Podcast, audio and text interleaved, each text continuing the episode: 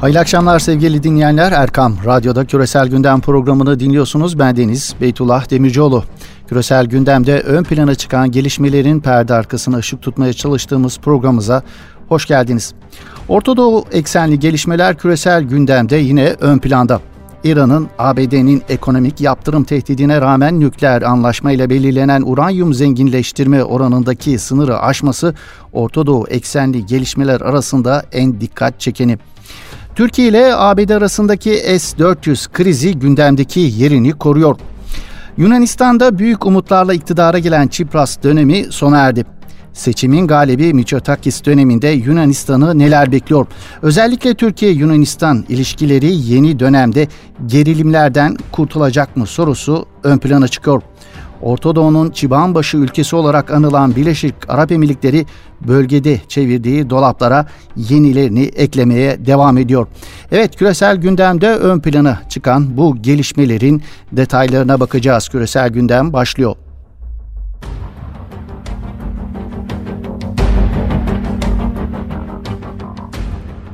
İran tehditlere rağmen uranyum zenginleştirme oranını artırmasına yönelik tepkiler, kaygılar küresel gündemde dikkat çeken gelişmeler arasında. İran'ın nükleer faaliyetlerine yeniden dönmesi son bir yıldır giderek artan ABD-İran gerginliğini daha farklı bir boyuta taşıyacak gibi gözüküyor sevgili dinleyenler. Tahran yönetimi ABD'nin nükleer anlaşmadan çekilmesi sonrası başlattığı ekonomik yaptırımlar nedeniyle anlaşmadan kaynaklı çıkarlarına ulaşamadığını belirterek anlaşmaya taraf ülkelerden söz konusu çıkarlarını temin etmelerini istemiş, taleplerinin yerine getirilmemesi üzerine uranyum oranı ve miktarıyla ilgili taahhütlerini gerçekleştirmeyeceğini açıklamıştı. İran son bir yıldır özellikle petrol satışı konusunda ciddi bir kriz içerisinde. Petrol satışı konusunun kendisi için kırmızı çizgi olduğunu belirtiyor Tahran yönetimi ve bu alanda bir garanti talep ediyordu. İran'ın önemli müşterilerine uygulanan geçici muafiyetlerin kaldırılması ile birlikte ambargo öncesi 2.5 milyon varil olan günlük petrol satışı 500-400 bin varil civarına düşmüş durumda ki bu İran ekonomisi için alarm zillerinin çalmasına neden oluyor.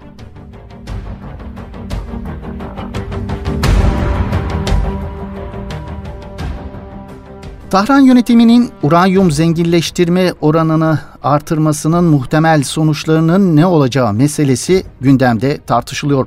İran Araştırmaları Merkezi Başkan Yardımcısı Doktor Hakkı Uygur'un Anadolu Ajansı için kaleme aldığı analizde nükleer faaliyetlerinin yeniden başlamasıyla birlikte Avrupa Birliği tam olarak İran karşısına geçebileceği, yine Çin ve Rusya gibi ülkelerin de İran'a yönelik politik dengesini değiştirebileceği bu anlamda desteğinin seviyesini azaltma ya gidebileceği belirtiliyor. Zira Rusya Devlet Başkanı Putin'in de ifade ettiği gibi İran'ın söz konusu faaliyetlerini başlatmasının ardından hiç kimse anlaşmayı ilk bozanın ABD olduğunu hatırlatmayacağının altını çiziyor Doktor Uygur.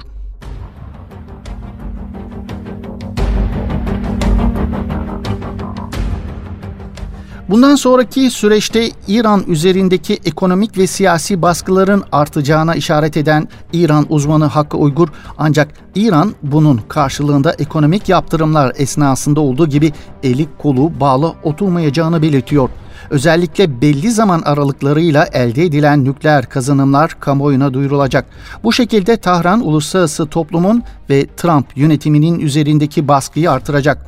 Trump'ın bu döngüyü kırabilmesinin yegane yolu ülkenin nükleer tesislerine yönelik bir saldırı düzenlemek olduğunu belirten Uygur, Obama döneminde gerçekleştirilen siber saldırı ile İran'ın çok sayıda santrifüjü kullanılamaz hale gelmiş ve çalışmalarda belli bir gecikme yaşandığını hatırlatıyor.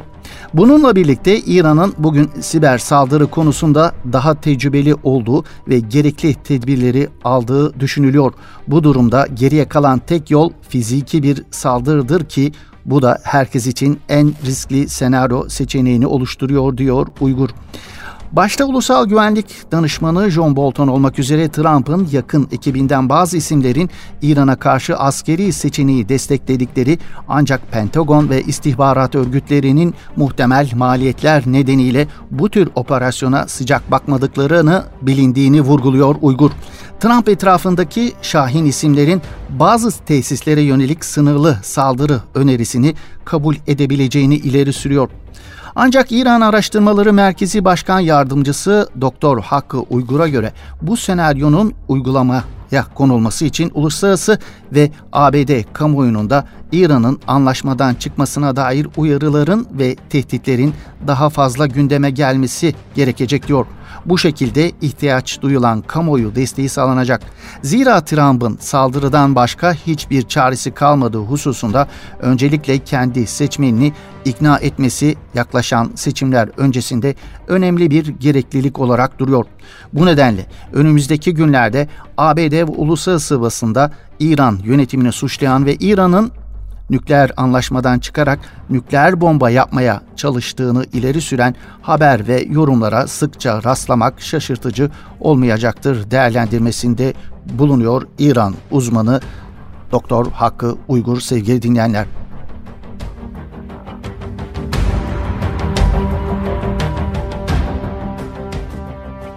Evet bu arada İran ile İngiltere arasındaki petrol tankeri gerginliği sürüyor.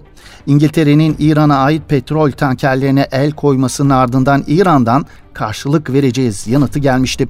İran'ın yarı resmi haber ajansı Tesnim'in haberine göre başkent Tahran'da düzenlenen bir törende konuşan İran Genelkurmay Başkanı Muhammed Bakiri, İngiltere'ye bağlı Cebeli Tarık Özerk yönetiminin İran'a ait petrol tankerine el koymasını düşmanca girişim olarak niteledi.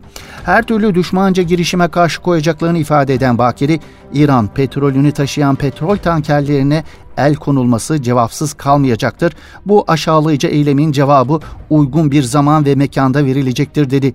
İngiltere'ye bağlı Cebeli Tarık Özerk yönetimi Perşembe günü Suriye'ye petrol taşıdığı öne sürülen İran'a ait petrol tankerine el koymuştu.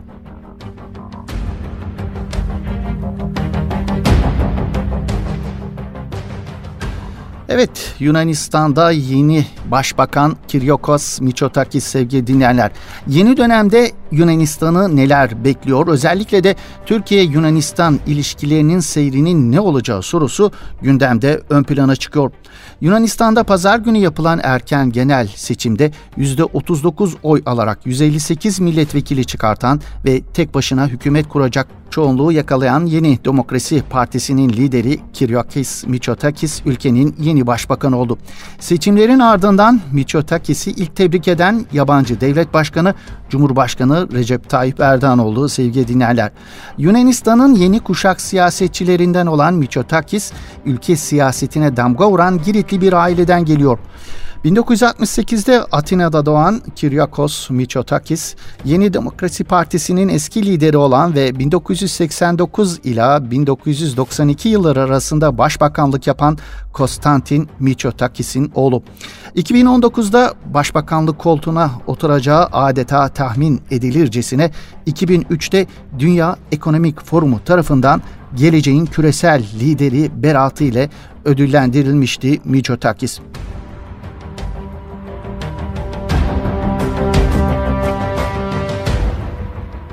Halkın 4 yıl için yetki verdiği Başbakan Mitsotakis'in ne yapacağı merak konusu. Yeni demokrasi hükümetinin Başbakanı Mitsotakis'i kısa vadede ekonomiden dış politikaya zor kararlar bekliyor.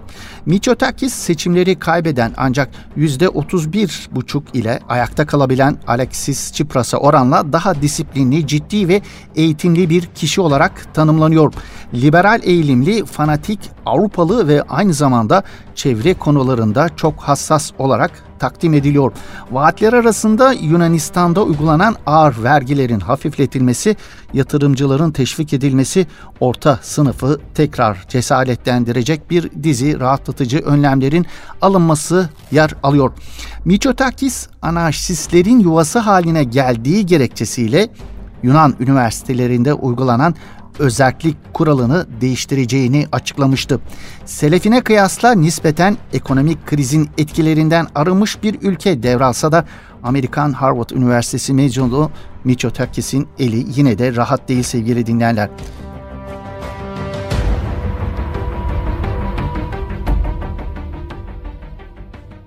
Evet, Mitsotakis'in Türkiye ile Yunanistan ilişkilerine bakışına bir bakalım biz de sevgili dinleyenler. Seçimlerin ardından Mitsotakis'i ilk tebrik eden ifade ettiğimiz gibi ilk yabancı devlet başkanı Cumhurbaşkanı Recep Tayyip Erdoğan oldu. Mitsotakis ise bunu takdirle karşıladı.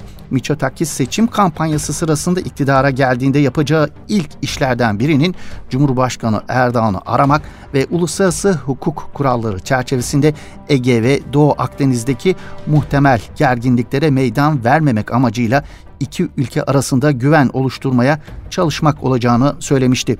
Mitsotakis liderliğindeki Yeni Demokrasi Partisi'nin Türkiye'nin Avrupa Birliği'ne üyelik müzakerelerini sürdürmesi gerektiğine inandığını belirtelim.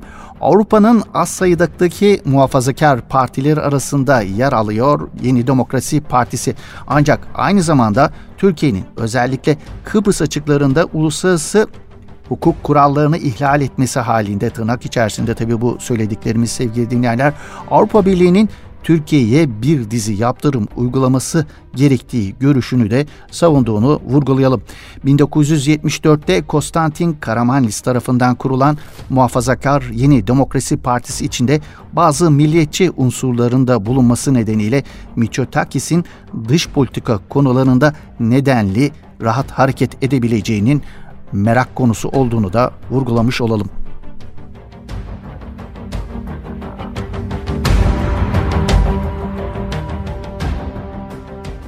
Küresel Gündem programımızda adından en çok zikrettiğimiz ülkelerin başında Birleşik Arap Emirlikleri geliyor.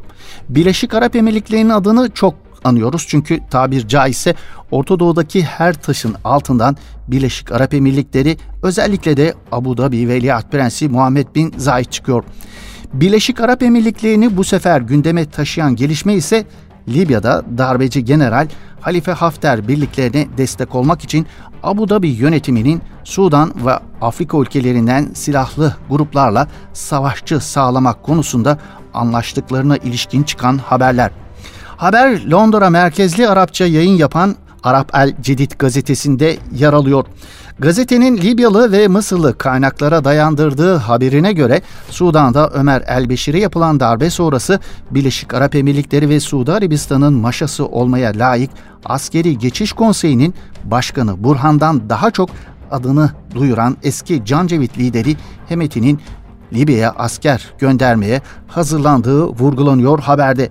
Gazeteye konuşan Mısırlı üst düzey kaynak Birleşik Arap Emirlikleri'nin Sudan ve çevresindeki Afrika ülkelerindeki milis gruplarıyla Libya'daki Hafter güçlerine destek olmak üzere Birleşik Arap Emirlikleri ve Suudi Arabistan'ın sağlayacağı finansman karşılığında anlaşıldığını ileri sürüyor. Orta Doğu'nun çıbanbaşı ülkesi Birleşik Arap Emirlikleri'nin pek çok ülkede olduğu gibi Libya'daki sicili oldukça kabarık.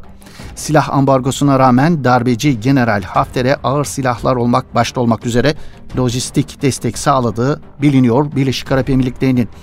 Birleşik Arap Emirlikleri yönetimi bu desteğini hep inkar ediyor. Ancak Hafter güçlerinin büyük bozgun yaşadığı geri yandan geri çekilirken geride bıraktığı sofistike silahların ABD'nin Birleşik Arap Emirlikleri'ne sattığı silahlar olduğu ortaya çıkmıştı. Birleşik Arap Emirlikleri bu silahların kendilerine ait olduğunu yine inkar etti tabii ki. New York Times gazetesinin haberine göre Birleşik Arap Emirlikleri 2008 yılında Amerika Birleşik Devletleri'nden tam 155 milyon dolarlık silah alımı sırasında Javelin füzelerini de tedarik etmişti. ABD Senatosu Dış İlişkiler Komitesi ABD'nin Birleşik Arap Emirlikleri'ne sattığı silahların Libya'da Halife Hafter'e bağlı güçlerin elinde çıkmasıyla ilgili olarak soruşturma başlatılmasını talep etmiş ama bu talep İran ile yaşanan gerilimi ileri süren Trump tarafından engellenmişti sevgili dinleyenler.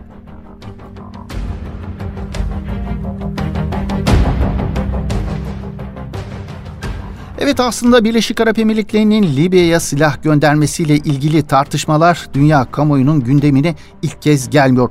Libya'ya gönderilecek silahlara ilişkin Birleşik Arap Emirlikleri Genelkurmay Başkan Yardımcısı İsa El Mezrui ile dönemin Mısır Cumhurbaşkanlığı Özel Kalem Müdürü Bugün ise Mısır İstihbarat Başkanlığı görevini yürüten Abbas Kamil arasında geçen ses kayıtları 2014'te basına yansımıştı. Ses kayıtlarına göre iki yetkili Libya'ya gönderilecek silahların hangi gruplara dağıtacağını görüşüyordu. Ayrıca Birleşmiş Milletler uzmanları hazırladıkları raporlarda Hafter'in hakim olduğu ülkenin doğusundaki El Merç şehri yakınlarında El Hadim askeri üssünün Birleşik Arap Emirlikleri tarafından işletildiğini belirlemişti. Rapor Raporda Mart-Kasım 2017 tarihinde uydu fotoğraflarına göre üssün geçirdiği değişim aktarılırken apron alanının iki katına çıktığına yer veriliyordu.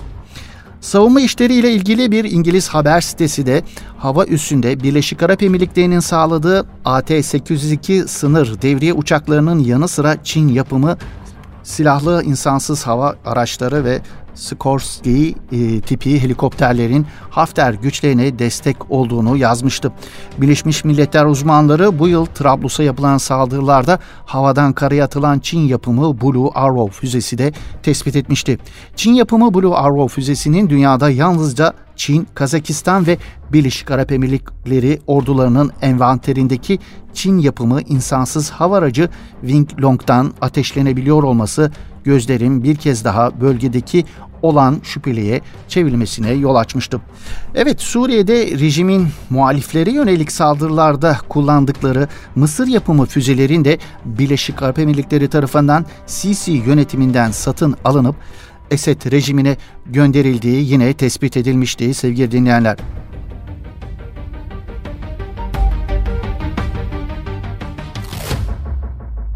Birleşik Arap Emirlikleri'nin Libya'da çevirdiği dolaplar çok net bir biçimde görülüyor olmasına rağmen yine Libya'nın darbeci generali Hafter'in işlediği savaş suçlarına rağmen ABD Başkanı Donald Trump haraca bağladığı Riyad yönetimi gibi Abu Dhabi yönetimini ve onun Libya'daki kuklası darbeci general Hafter'i koruyup kollamaya devam ediyor. Birleşik Arap Emirlikleri, Suudi Arabistan ve Mısır tarafından Libya'nın Sisi'si yapılmak istenilen Halife Hafter, Trump'ın dolaylı desteğini büyük bir özgüvene dönüştürmüş durumda. Öyle ki Esed rejimi dahi savaş suçlarına karıştıkları bilinen istihbarat şeflerinin yerlerine savaş suçuna karışmadığı tahmin edilen isimleri getirirken Hafter ise uluslararası ceza mahkemeleri tarafından savaş suçu işlediği gerekçesiyle aranan isimleri terfi ettiriyor. Bingazi şehrinde gözleri bağlı 10 kişiyi video kaydına alarak yargısız infazla öldüren ismin Halife Hafter'e bağlı silahlı güçlerin komutanlarından Mahmud El Verfali olduğu belirtilmişti. Lahay merkezli Uluslararası Ceza Mahkemesi Verfali hakkında savaş suçu işlemek gerekçesiyle 2017 yılında arama kararı çıkartmıştı. Birleşmiş Milletler Libya özel misyonu geçen yıl Verfali'nin ceza mahkemesine teslim edilmesini talep etmişti.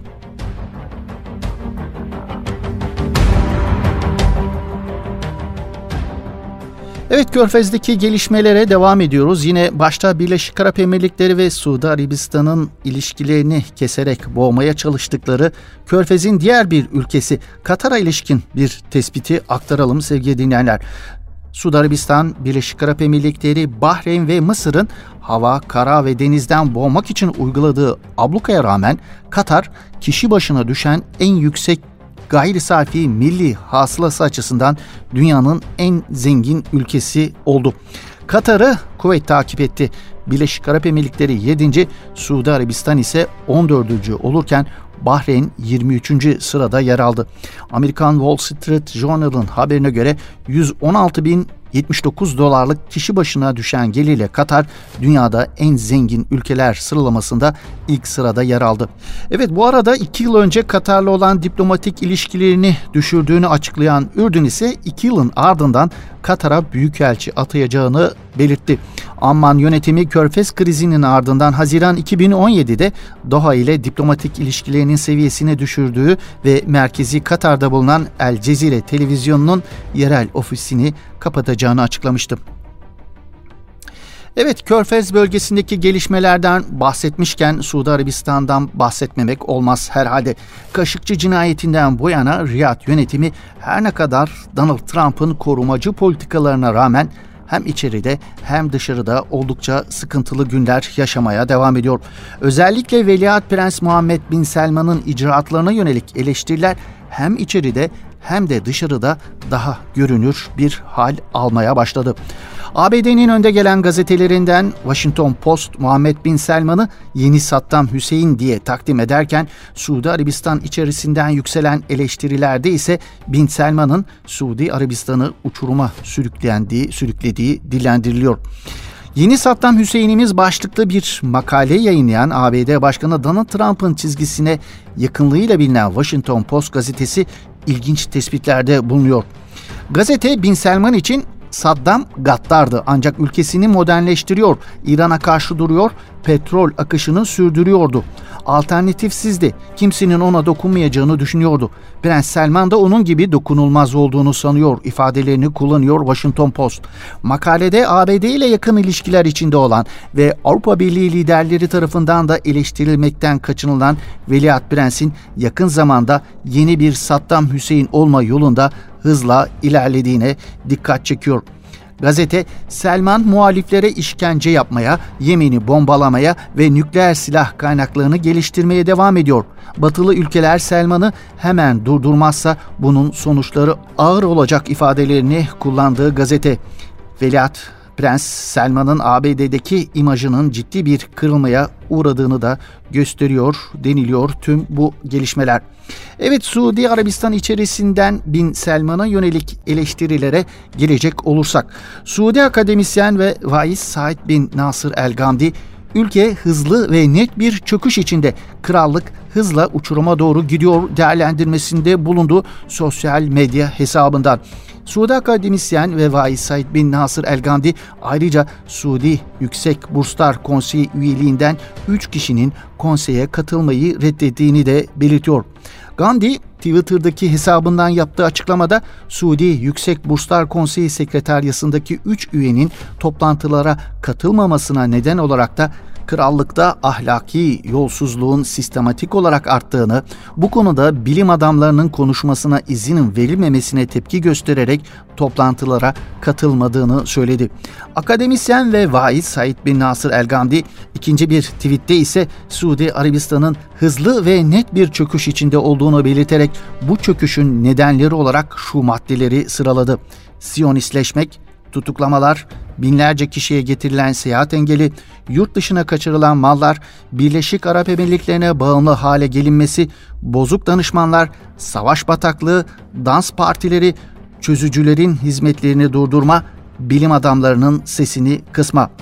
Suudi akademisyen Saad bin Nasır El Gamdi'nin işaret ettiği Riyad yönetiminin Birleşik Arap Emirlikleri'ne bağımlı hale geldiği yönündeki tespit son dönemde diğer pek çok Arap gazeteci ve entelektüel tarafından da dillendiriliyor. Bin Selman'ın Abu Dhabi Veliaht Prensi Muhammed Bin Zayed'in etkisi altında kaldığı vurgulanıyor söz konusu tespitlerde. Abu Dhabi'nin özellikle Abu Dhabi Veliaht Prensi Muhammed Bin Zayed'in Bin Selman üzerinden Suudi Arabistan'ı çok hızlı dönüştürdüğüne dikkat çekiliyor.